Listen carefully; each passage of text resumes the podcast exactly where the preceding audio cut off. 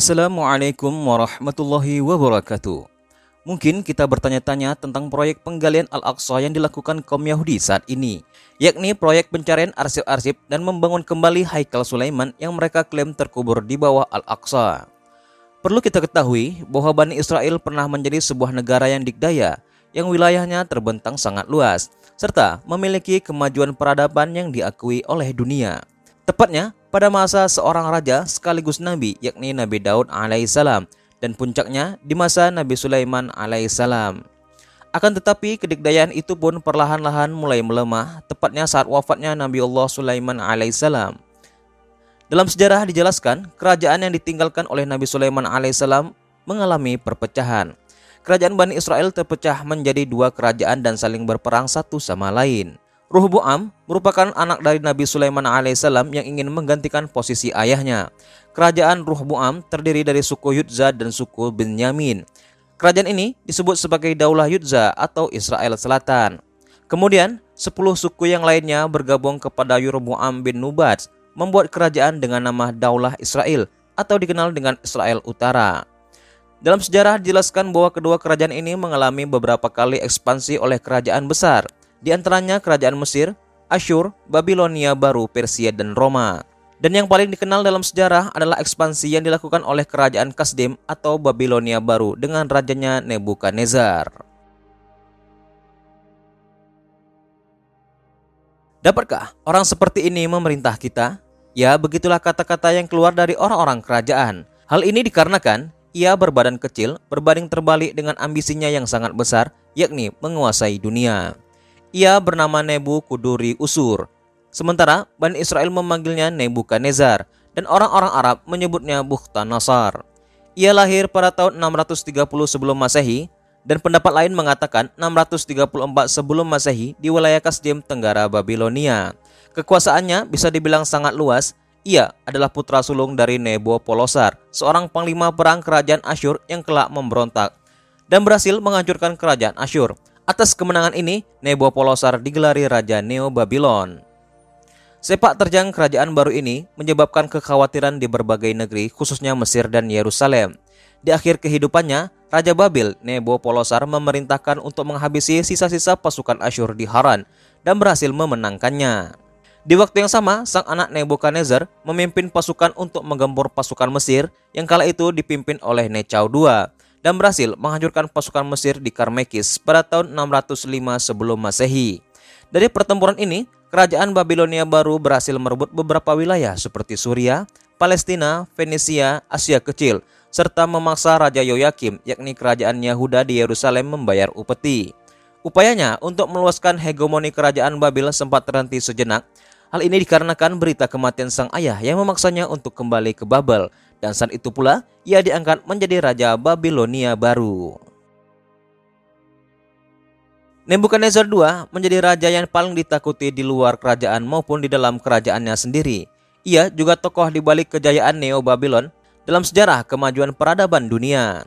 Wilayahnya seluas 3 mil persegi yang dikelilingi rawa-rawa dan dua lapis dinding tebal. Sungai Efrat mengalir di tengah kota yang terhubung dengan jembatan batu yang indah. Di tengah kota terdapat zigurat raksasa yang dinamakan Etemeneki, tepat di sebelah kuil Marduk, perbatasan langit dan bumi. Belum lagi kemegahan taman gantung yang dibangun atas permintaan istrinya, Amitis. Bahkan, sampai detik ini orang-orang masih bertanya-tanya bagaimana mereka mampu membuat arsitektur luar biasa tersebut tanpa campur tangan teknologi saat ini. Selain itu, kekuatan militernya pun terbilang cukup mumpuni. Selain berhasil dalam sebuah ekspansi wilayah, ia juga berhasil meredam pemberontakan-pemberontakan yang dilakukan oleh kerajaan-kerajaan kecil, termasuk di dalamnya kerajaan Yahuda.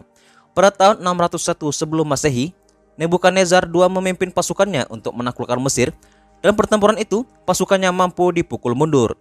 Dari peristiwa inilah Yoyakim Raja Yahuda merasa bahwa dia tidak perlu lagi tunduk kepada Raja Babel tersebut, Akibat dari tindakannya ini mengakibatkan kemelut di tubuh pemerintahan Yahuda. Banyak yang tidak setuju dengan tindakannya, di antaranya yang menasihatinya adalah Nabi Yeremia. Pada tahun 598 sebelum Masehi, Raja Babel bergerak menaklukkan Arabia di Kedar dan Yerusalem dan berhasil menaklukkan Yerusalem pada tahun 597 sebelum Masehi. Setelah melakukan pengupungan beberapa minggu, Raja Babel menawan Yoyakin, anak dari Yoyakim yang meninggal sebelum tentara Babel sampai. Ia menawan keluarga serta ribuan orang termasuk di dalamnya para imam-imam Yahudi yang di antaranya adalah Nabi Daniel. Raja Babel juga membawa harta rampasan perang yang begitu banyak. Ia mengangkat Matania menjadi raja Yerusalem dan mengganti namanya menjadi Zedekia. Konflik antara Babel dan Mesir ternyata menjadikan Raja Zedekiah mencoba memanfaatkan situasi agar terlepas dari cengkraman Raja Nebukadnezar. Ia pun melakukan kerjasama dengan Mesir untuk memberontak. Akibatnya pada tahun 587 sebelum Masehi, Nebukadnezar II untuk ketiga kalinya menyerbu Yerusalem. Sementara Mesir tidak datang untuk membantu. Pengepungan ini terjadi selama satu tahun. Pada tahun 586 sebelum Masehi, Zaburadan, Panglima Nebukadnezar II berhasil memasuki Yerusalem. Sementara itu, Zedekiah tidak berhasil melarikan diri. Ia beserta keluarganya menjadi santapan tangan-tangan besi. Kelakuan brutal pasukan Babel tidak hanya merugikan manusia, mereka juga membakar habis bait suci serta meratakan negeri itu dengan tanah. Banyak orang-orang Yahudi lari ke wilayah Moab, Amon, dan Edon namun lebih dari 800 orang tertangkap dan dibuang ke Babel. Kehancuran negeri Yerusalem ini pun telah dijelaskan dalam Al-Quran. Sebagaimana Allah subhanahu wa ta'ala berfirman dalam surah Al-Isra ayat 7. Jika kamu berbuat baik, berarti kamu berbuat baik bagi dirimu sendiri. Dan jika kamu berbuat jahat, maka kejahatan itu bagi dirimu sendiri.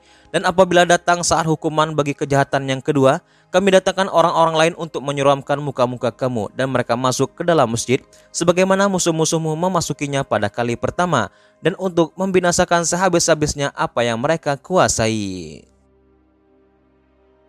Pada tahun 572 sampai 571 sebelum Masehi, Nebukadnezar berhasil berkuasa penuh atas Babilonia, Asyur, Venesia, Israel, Filistin, Asia Kecil serta Arab Utara. Dan dalam beberapa sumber sejarah mengatakan ia sempat menginjakan kakinya di Mesir pada tahun 568 sebelum Masehi. Pada tahun 562 sebelum Masehi, Raja Neo Babel ini meninggal dunia akibat serangan wabah nyamuk yang sebelum kematiannya membuat ia seperti orang gila.